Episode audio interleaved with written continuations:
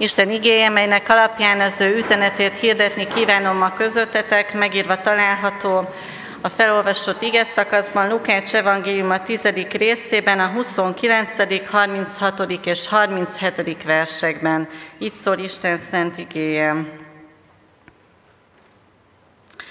Ő viszont igazolni akarta magát, ezért megkérdezte Jézustól, de ki a fele barátom? Mit gondolsz, e három közül ki volt a fele barátja a rablók kezébe esett embernek? Ő így felelt, az, aki irgalmas volt hozzá. Jézus erre ezt mondta neki, menj el, te is hasonlóképpen cselekedj. Eddig Istennek írott igéje, foglaljon helyet a gyülekezet.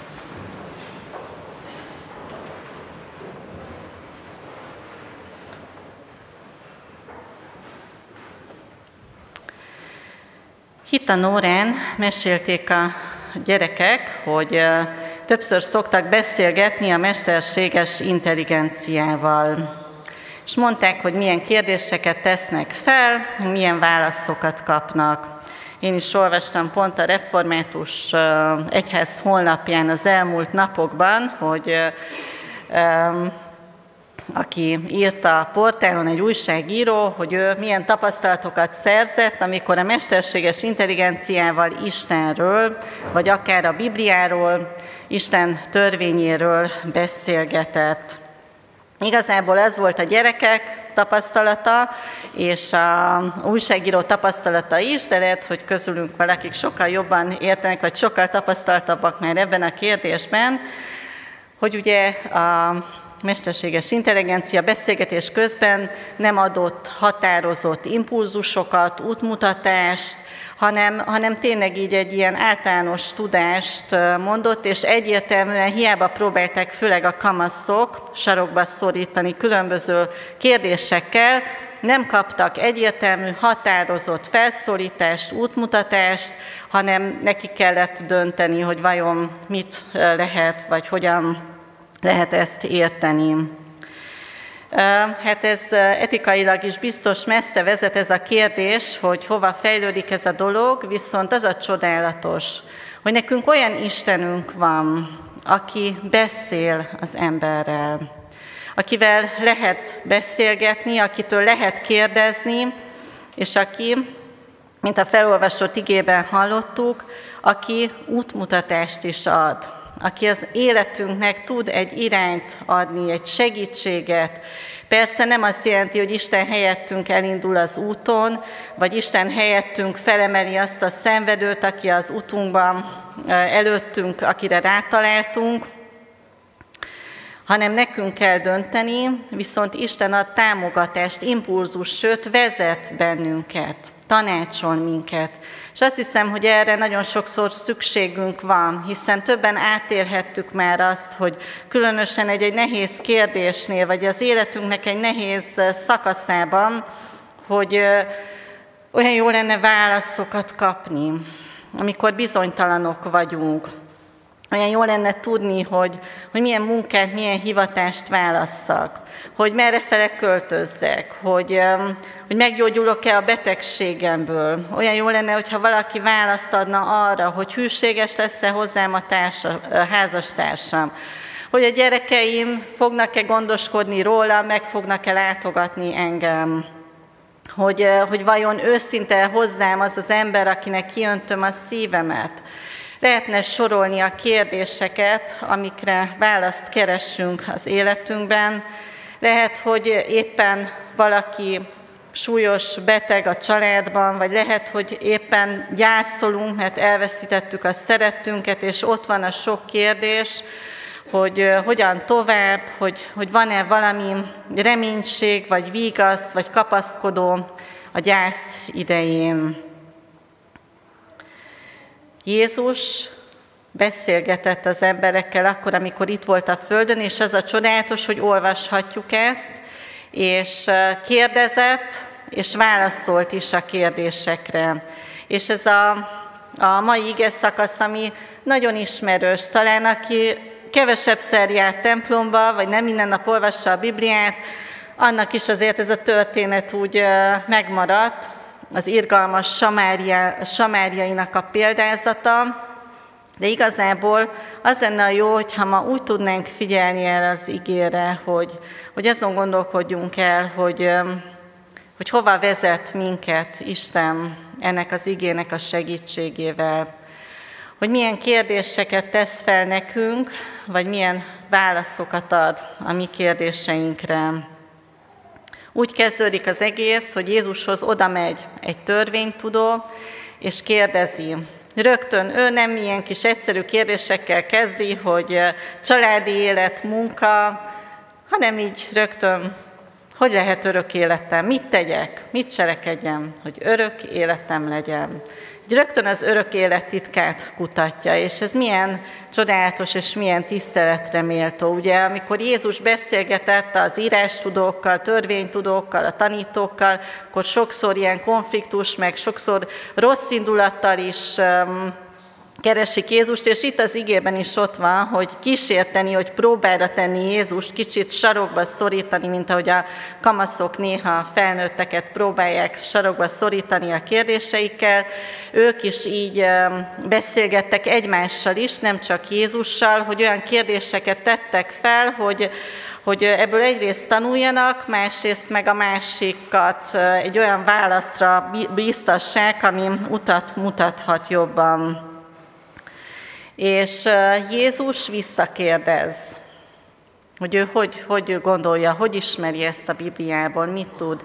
És az a csodálatos, hogy ő szépen azt, amit mi már tanultunk nagyon sokan konfirmáció alkalmával, vagy hittanórán, szeresd az Urat, szeresd fele barátodat, mint önmagadat, tudja ezt a választ, pedig ez abban az időben még azért ez a két ige nem volt így egybefűzve, és mint ahogy az evangéliumokban, hanem két külön helyén volt ugye a Szentírásnak, de már ezt így összekapcsolták, Isten és a fele barát szeretete, ami a legfontosabb. És Jézus már itt mondja ennek a törvénytudónak, hogy hát tudod, rendben van, fejben tudod, akkor tedd ezt, élj így és akkor megérheted az Istennel való kapcsolatot, az örökké valóságnak a dimenziójába élheted az életedet, hogyha Isten felé szeretettel fordulsz, és a másik ember felé is. És ugye ezek után jön a kérdés, hogy de ki az én fele barátom? De ki az, akit szeretnem kell? Nem Istenre kérdez rám, Sőt, azt mondják az írás magyarázók, hogy milyen csodálatos, hogy ő ezt igazából így egybe kapcsolja, hogy szeresd az Urat, a te Istenedet teljes szívedből, teljes lelkedből, teljes elmédből és teljes erődből, és fele barátodat, mint önmagadat, hogy tényleg ez egy parancsolat, ami szorosan összetartozik, és nem is ismétli meg azt, hogy szerest fele barátodat, de ki a fele barátom? És erre a kérdésre, ami akkor nagyon izgalmas kérdés volt, erre a kérdésre keresi a választ Jézusnál. És ez azért is volt izgalmas, mert hogy abban az időben, akik magukat nagyon törvénytisztelőnek gondolták, ők azt gondolták, hogy fele barát, aki ugyanúgy tiszteli a törvényt, aki ugyanúgy megtartja az Isten törvényét. Voltak az eszénusok, akiknél ugye a kumráni tekercseket az ő barlangjaikban megtalálták a 20. században. Az eszénusok azt mondták, hogy ugye vannak ők, a világosság fiai, és őket kell szeretni, de hát a többiek, a sötétség gyermekei, azok már nem tartoznak ide. Sőt, nagyon sokan úgy gondolták, hogy hogy szeressük Istent, szeressük a felebarátot, de a személyes ellenségem, a személyes rossz akarom, az biztos, hogy nem tartozik ide, őt nem kell szeretnem. Akkor, amikor ezen gondolkodtak, hogy ki lehet a felebarát, akkor, akkor igazából ilyen hát egy ilyen védőfalat vagy várat szerettek maguk köré emelni, hogy én szeretem Isten, nézek felfele, akkor akik az én falaimon bele, belül vannak, a felebarát kategóriába betartoznak, azokat szeretem, és akkor vannak a többiek a falon kívül, hát aztán velük már nem kell foglalkozni. És um, azt hiszem, hogy talán a napjainkban nagyon sok kérdés van, ami foglalkoztatja az embereket. Nem ez a kérdés, ami Jézus korában, és ennek a törvénytudónak az egyik legizgalmasabb kérdése volt, hogy de ki a fele barátom, de azt hiszem, hogy talán egész másképp alakulnának a dolgok, hogyha ez a kérdésünk lenne. Hogyha ez a ma élő embernek is kérdése lenne, hogy ki az én fele barátom, ki az, akit szeretnem kell úgy, mint önmagamat, akkor talán nem itt tartanánk, akkor talán ez a világ, ahol élünk, nem itt tartana, hogyha elgondolkodnánk azon, hogy ki a fele barátom, és hogy a legfontosabb Isten szeretete, és a fele barát szeretete. Miközben Jézus válaszol a, a példabeszéddel erre a kérdésre, hogy ki a fele barátom, a közben bevonja a történetben ezt a törvénytudót. Aki mondhatjuk azt, hogy próbára akarta tenni Jézust kísérteni, aki rögtön kész volt a kifogással, hogy de ki, tehát ki a fele barát. Olvastam egy olyan magyarázatot készülés közben, ami Hát így nagyon elgondolkodtató, kicsit mosolyogni való is, de azért elgondolkodtató, hogy egy régi legenda szerint, amikor Isten beszélni tanította az embert, akkor odajött a kísértő is, és azt kérte Istentől, hogy ő is hadd mondjon valamit, hadd tanítson valamit az embernek. És Isten nagylelkűen beleegyezett, és csak ennyit tanított a kísértő az embernek, de. Ez volt az a szó. Mert hogy sokszor az életünk erről szól, hogy én mennék, én segítenék, de hát annyi bajom van, annyi minden fáj, annyi nehézség van, most nem tudok. Hú, én elmennék templomba, de még annyi tanulnivalóm van. Vagy elmennék én a templomba, de hát ott milyen emberek vannak, csak nem fogok beülni melléjük én is. Imádkoznék, de felkelek, rögtön intézni kell a dolgokat, gyerekeket, erdőket, nekem nincs időm. És lehetne sorolni azokat a mondatokat, amiket mondunk önmagunknak, egy kicsit mentésképpen, hogy védjük magunkat, hogy én megtennék, én menném, én hinnék, én elmennék a templomba, én imádkoznék, de, de most nem tudok, de erre nincs lehetőségem, de most ezt nem tudom megtenni. Jézus erre a kérdésre, hogy de, ki is az én fele barátom, azt mondja, hogy nem, nem, nem is ez a kérdésem annyira, hogy de ki a fele barátom, hanem az a kérdés, hogy te hogy lehetsz, hogy válhatsz fele baráttá. Az a kérdés, hogy te hova kell indulj, kihez kell indulj, kinek kell segítened. Jézus példázatában Jerikóból, je, bocsánat, Jeruzsálemből Jerikóba igyekszik egy ember az úton. Jeruzsálem és Jerikó közel volt egymáshoz, 27 kilométerre volt Jeruzsálemtől Jerikó. Jerikó egy határváros volt, a nagyon régi város volt, egy oázisra épült, úgy is nevezték, hogy a pálmák városa, vagy a liliomok városa, egy vámszedőhely is volt, és a keletről érkező kereskedők mindig átmentek Jerikon, és így érkeztek Jeruzsálembe és az országba.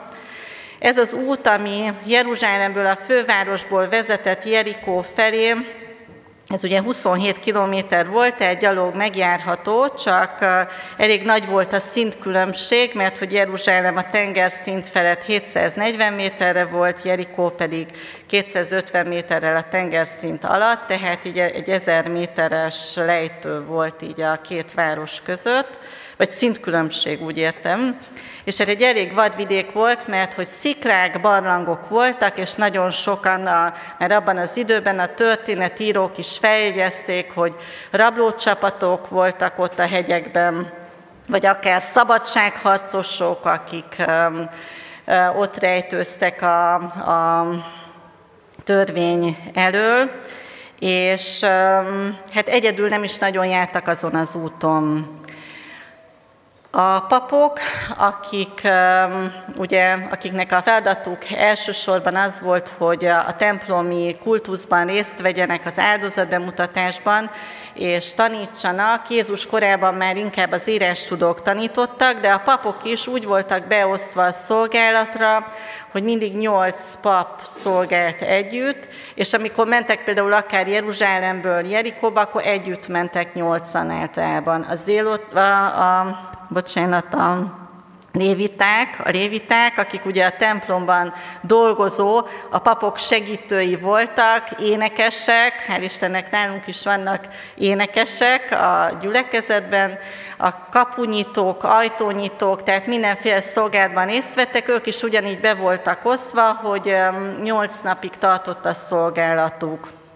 Ebben a történetben ugye ott szerepel a ennek a papok, egy pap, egy lévita, ami azért döbbentes, hogy ők egyedül megy mindenki az úton ebben a történetben. Ez akár meg is történhetett, tehát lehet, hogy Jézus egy megtörtént eseményt mondott el, de minden esetre az döbbentes, hogy egyedül megy mindenki az úton és ott van ugye a samáriai, a samáriaikkal való kapcsolatról, mert sokat hallhattunk, aki ugye a Bibliát jobban ismeri, vagy a templomban többször volt, hogy Samária történetéről azt lehet tudni, hogy Jézus születés előtt 722-ben Asszíria elfoglalta az északi országrészt Izraelt, nagyon sok embert fogságba vittek, és akik pedig itt maradtak, azok mellé telepítettek be más népeket, és az itt maradó zsidók és más népeknek az életközösségéből alakult ki a samáriai név,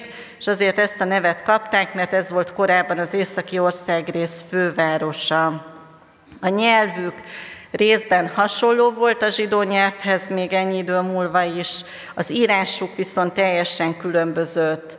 A zsidók megvetették a samáriaiakat, akik aztán később ugye visszatértek a fogságból, a zsidó leszármazottak, akik tartották a törvényt, nem keveredtek más népekkel, és akkor őket így lenézték, akik így összekeveredtek, meg a, a vallásban is különbségek lettek, és a samáriaiak pedig mindig is ilyen foly, mint egy ilyen folytó düvel és a lenézettség, a kitaszítottság érzésével gondoltak a zsidókra, és hát az is benne volt a történetben, hogy Jézus korában úgy nézett ki az ország, hogy Galileában északon zsidók éltek, az ország közepén Samáriában ugye a samáriaiak, és Jeruzsálemben és környékén a déli ország részben a zsidók.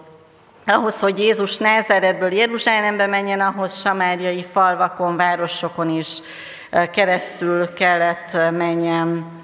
És uh, igazából uh, olvastam olyat készülés közben, hogy uh, hát ez már egy kicsit a zsidó gondolkodásban néha ilyen szitok szó is volt ez a samáriai, hogy amikor egy zsidó nagyon megharagudott egy zsidó társára, akkor azt mondta neki, hogy szamaritánus vagy, tehát hogy ez egy ilyen nagyon bántó kifejezés volt, de hogy ők úgy gondolták, hogy ez biztos, hogy nem tartozik se egy római, sem egy samáriai, nem tartozhat a felebarát kategóriájában.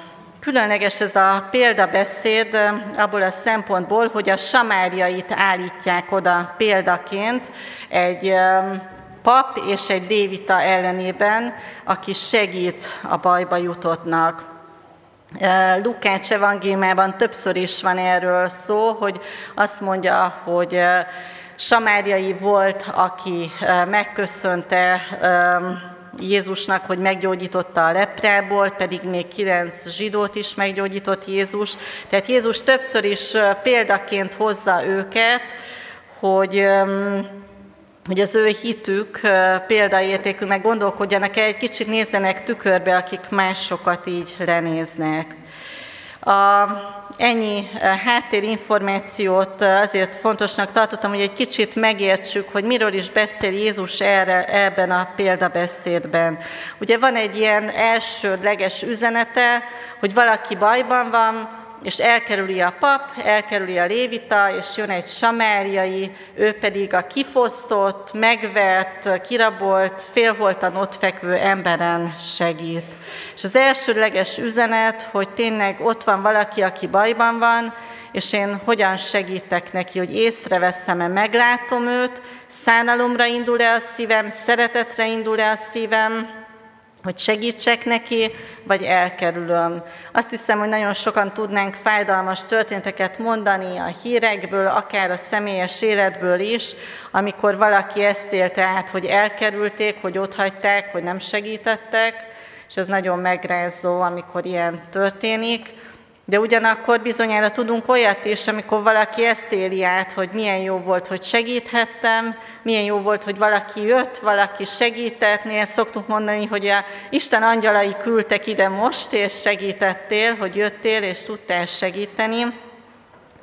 Úgyhogy az elsődleges kérdés az az, hogy hogy tudunk mi segíteni, hogy tudunk mi észrevenni egy szenvedő embert, hogy amikor meglátom, hogy kész vagyok oda menni hozzá, vagy akkor arra gondolok, hogy akkor még itt kell maradni, akkor nem tudok sietni, akkor milyen következményei lesznek. A samaritánus példájában az a nagyon megragadó, hogy ő felvállalta ezt, hogy nem csak azt, hogy az ő élete is veszélybe kerülhet, nem csak azt, hogy, hogy akkor oda kell adja azt, amilyen van ennek az embernek, hogy segítsem, hanem ráteszi az ő állatára, hogy elvigye a fogadóba, odaadja a pénzét, és még tovább is kész felelősséget vállalni érte és gondoskodni róla. Így kíséri az életét, és mi nagyon sokszor ettől riadunk meg, hogy segítek valakinek, és akkor esetleg tovább is kell vele tartani a kapcsolatot, vagy utána támogatni, segíteni, és erre is le kell mondani önmagamról, vagy a magam kényelméről, hogy a másiknak segítsek. Ez a samaritánus a példázatban az ember, aki odament, és nem törődött azzal, hogy ki az a földön fekvő, ő neki kiárat a szeretete. Olvastam egy olyan magyarázatot, ami nagyon megragadó volt, hogy ebben a történetben árad a samáriai um, a, a a segítő szándéka, hogy lehajol, árad az, ami a sebével, a sebet um, fertőtleníti, árad az ital, amit ad a betegnek, árad az ő jóságos gondoskodása, árad ki a pénz a pénztárszából, hogy gondoskodjon, de hogy ezzel mind a tettekben megnyilvánuló szeretet valósul meg. Hogyha az egyház, a hívő ember úgy éli az életét, hogy nem árad belőle ez a segítő szeretet, a diakónia, a felkarolása, a segítése a másiknak, akkor a, a lényeg veszhet el. Azt mondja Jézus, hogy nem választhatjuk külön az Isten szeretetét attól, hogy a másikat észreveszem és segítek neki. Erre szeretnék elmondani egy, egy kis történetet, ugye nagyon sokszor fejben sok mindent tudunk. Tudunk idézni bibliai mondatokat, tudunk bölcsen válaszolni kérdésekre, de vajon az a kérdés, hogy a, a cselekvésben, a tetrekészségben, hogy mellé álljak, hogy imádkozzam, hogy Isten elé vigyem a másikat, mennyire vagyunk készek, mennyire érezzük magunkat um, megszólítva. A, mikor Jézus elmondta ezt a példázatot, akkor igazából a törvénytudónak válaszolnia kellett, hogy ő kicsoda ebben a példázatban. Hogy ő a pap, a lévita, aki elkerülte, vagy a samaritánus, aki segített. És Jézus bevon minket is ebben a, ebbe a történetbe, hogy kik vagyunk mi, hol vagyunk mi ebben a történetben. Olvastam egy eh, lelki pásztornak a bizonyságtételét, hogy részt vettek egy egy lelkész értekezleten vagy konferencián, ahol ilyen többnapos konferencia volt, és az egyik délelőtti program az a szorvány lelkészségnek a kérdése volt. Ez nem most volt, hanem még a 20. századnak a közepén, és, és hát volt a körükben lelkész, aki ugye több szorvány gyülekezetnek volt a lelkésze, és mondta, hogy egy héten 60 kilométert kell esőben, hóban, fagyban, szélben, napsütésben biciklivel megtegyem, hogy látogassa, meg támogassa a gyülekezeteket, és végezze a szolgálatát. És az egész délelőtt erről szólt, hogy hogyan együtt éreznek vele, hogy ez milyen fontos szolgálat, hogy támogatják őt, hogy imádkozni fognak a kedves lelkész kollégáért. Hát ez milyen nehéz lehet. Még talán többen mondták is, hogy hát mi ezt biztos nem bírnánk, hát milyen csodálatos, hogy te így a helyeden így helytállsz, így szolgálsz, mi teljes szívünkből melletted vagyunk. És aztán így a beszélgetés véget ért, mert megszólalt a harang, hogy lehet menni ebédelni, és volt egy idős lelkész kollega, aki addig nem szólt, és akkor mielőtt így felpatant volna mindenki, hogy hát mi együttérzéssel támogatunk, most menjünk ebédelni, akkor azt mondta a kollega, hogy kérek egy kis figyelmet. Én nagyon örülök ennek a lelkesedésnek, támogatásnak, megfogta a kalapját a, a fogasról, odarakta egy székre az ajtó mellé ez az idős lelkész, és azt mondta, hogy hát akkor most azt kérem, hogy ezt a nagy-nagy lelkesedést, ezt mutassátok meg, hogy legalább a felét odaadjátok pénzben, összegyűjtjük, és veszünk egy motorbiciklit, hogy motorral tudja járni a szorványt a kedves kollégánk és erre így egy kicsit visszahököltek az ott levő lelkészek, meg mosolyogtak, meg zavarba voltak, de végül sikerült megvalósítani a tervet, és vettek egy motorbiciklit, és a lelkész nem biciklivel kellett járja a szorványtelepüléseket. Miről szól ez a történet? Arról, hogy sokszor a mi kereszténységünkben ott van a szeretet, együtt érzünk, támogatunk, lelkesedünk, imádkozunk, de szükség van arra, hogy a tetteinkben, a segítőkészségünkben is megnyilvánulhasson a szeretet és a gondoskodás. Ebben a példázatban Jézus megfordítja a kérdést. Azzal kezdte a törvénytudó, hogy de ki az én fele barátom? Ki az, akinek én kell, hogy segítsek?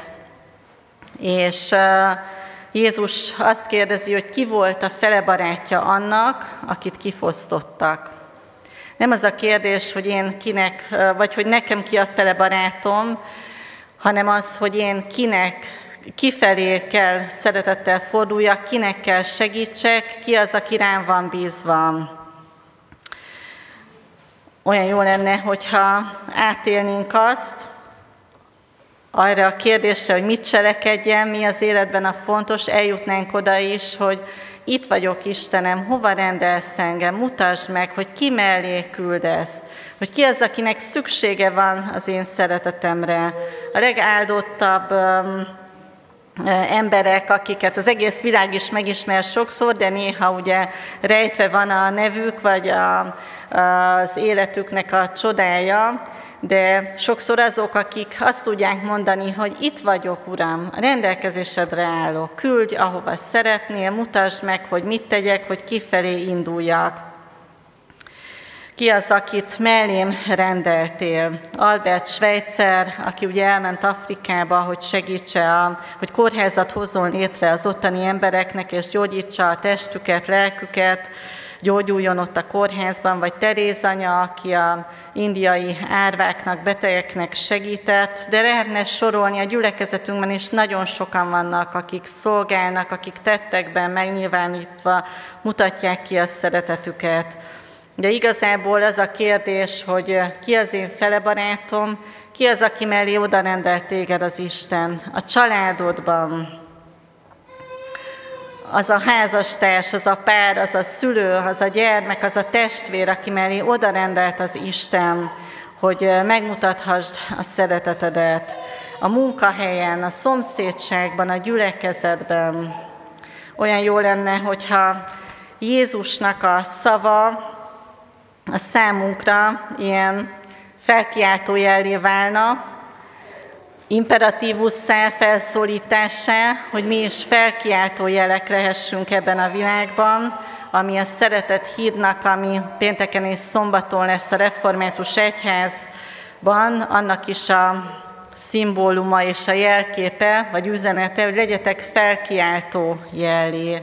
Ehhez az kell, hogy először megérintsen engem Jézusnak a szeretete, és az, ahogyan odafordul felém, az, ahogyan számíthatok rá az ő oltalmára, és ahogyan én is odafordulhatok másokhoz. Juhász Zsófiáról talán többen hallottuk, az őrbottyáni egészségügyi otthonnak volt ő a nagy lelki szolgálója, aki lélek, lelket, életet vitt oda a betegek, a sérültek közötti szolgálatban. Őneki van egy biztató verse, azt szeretném még felolvasni biztatásként mindannyiunk számára. Egész világot hozzál, hogyha jössz, arcod ragyogjon, fényen, mint a könyv. Napfény csillogjon ujjait hegyén, melyel simogatsz a fájdalmak helyén. Egész világot szóljon, ha köszönsz, vidám jó napot, napba öltözött, és készfogásod erős, mint a pánt, mely azt üzeni, senki se bánt. Egész karoddal ölej, hogyha fogsz, félöleléssel csak félig dobogsz. Ha a küszöbnél a lábad megáll, a mosolygásod szívbe nem talál. Egész világot szóljon, ha beszélsz, megtorpanásod azt jelenti félsz. Csak félig fuvod aranytrombitád, pedig a jó szó gazdára talál. A zsebeidből folyjon drága gyöngy, mely beragyogja mindazt, mi göröngy. Ajtónyitásod nyomán fény derül, egész szívvel vagy birtokon belül. Otthon leszel, ha kigyújtod a fényt, és ha reménnyel táplálsz majd reményt. Egész világot adjál, hogyha adsz, apró darabkák nem számítanak. Egész világot adjál, hogyha adsz, félvilágoddal magadra maradsz. Egész világot kaptál, nem felett, ő azért jött, hogy bővölködjenek. Amen.